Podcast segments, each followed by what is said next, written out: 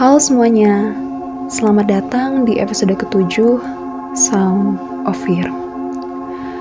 Pada episode ketujuh kali ini, kami akan bercerita mengenai sebuah pengalaman mistis yang dialami oleh salah satu pendengar Sound of Fear. Pendengar kami ini bersahabat dengan salah seorang teman sekelasnya di salah satu universitas terkemuka.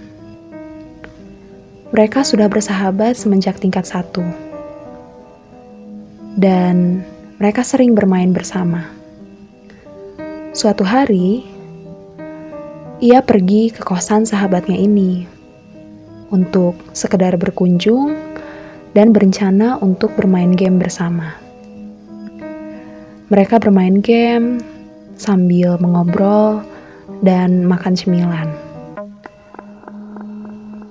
Mereka bermain hingga tengah malam. Akan tetapi, karena mengantuk, ia memutuskan untuk tidur lebih dulu. Sementara sahabatnya ini masih bermain game. Ia tidak tahu sudah berapa lama ia tertidur, tapi kira-kira sudah lewat tengah malam. Saat itu, tiba-tiba ia merasakan hawa yang tidak enak yang membuatnya merasa sangat tidak nyaman. Dalam kondisi mata tertutup, ia membalikkan badannya ke samping. Dan dengan setengah sadar, ia melihat sahabatnya tertidur di sebelahnya.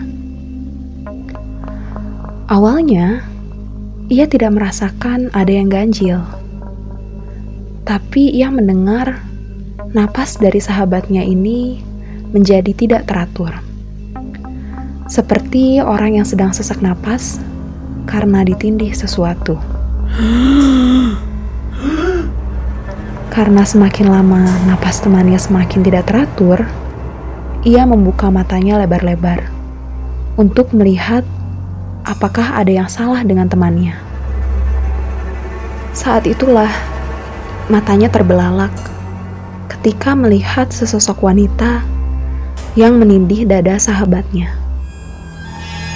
Wanita itu berambut kusut dan panjang, memakai baju putih yang panjangnya sampai mata kaki, dengan wajah yang merah bersimbah darah.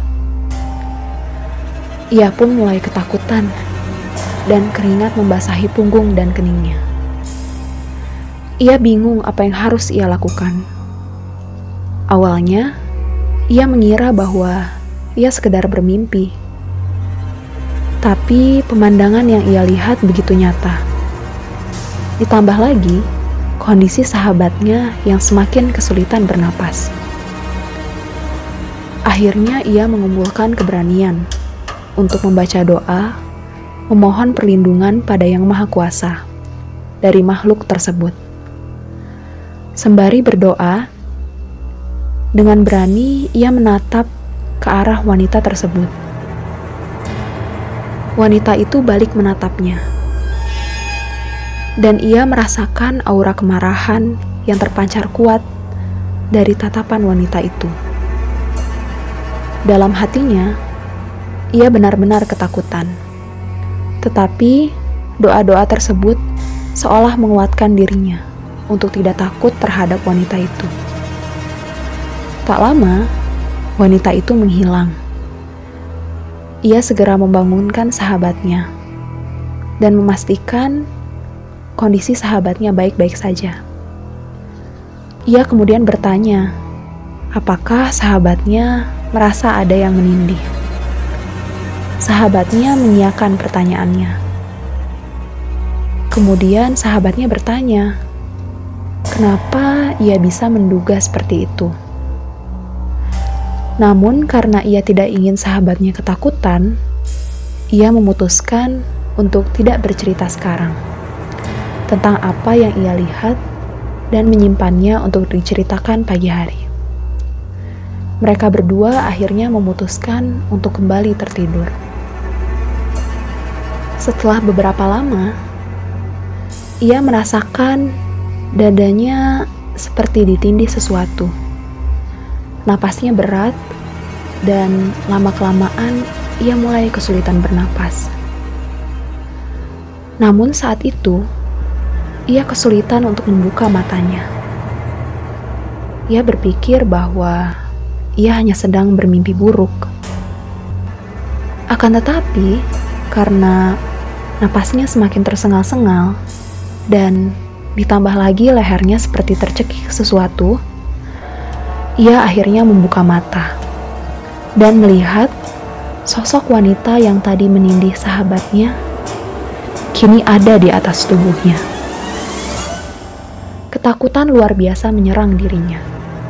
Seluruh tubuhnya tidak bisa digerakkan, dan ia juga tidak bisa bicara. Ia berjuang untuk mencengkram jemari sahabatnya agar sahabatnya itu bangun dan menolongnya. Namun, sahabatnya tidak kunjung bangun. Semakin ia berusaha membangunkan sahabatnya, cekikan wanita itu semakin kuat. Kuku-kukunya yang panjang seperti bisa menusuk lehernya. Dan aura kemarahan dari wanita itu terpancar semakin kuat. Ia terus berdoa, memohon pertolongan pada Yang Maha Kuasa. Namun tidak ada tanda-tanda wanita itu akan beranjak pergi atau sekedar melonggarkan cekikannya. Ia tidak berhenti berdoa, namun kini ia memasrahkan dirinya pada Yang Maha Kuasa. Lama-kelamaan, sosok wanita itu menghilang, dan sepanjang sisa malam itu, ia tidak bisa tidur sama sekali karena masih teringat akan sosok wanita itu. Paginya, ia menceritakan kisah ini pada sahabatnya. Sahabatnya terkejut, namun tidak heran. Karena itu, ia merasa sesak napas. Semenjak saat itu, ia tidak pernah lagi menginap di kosan sahabatnya.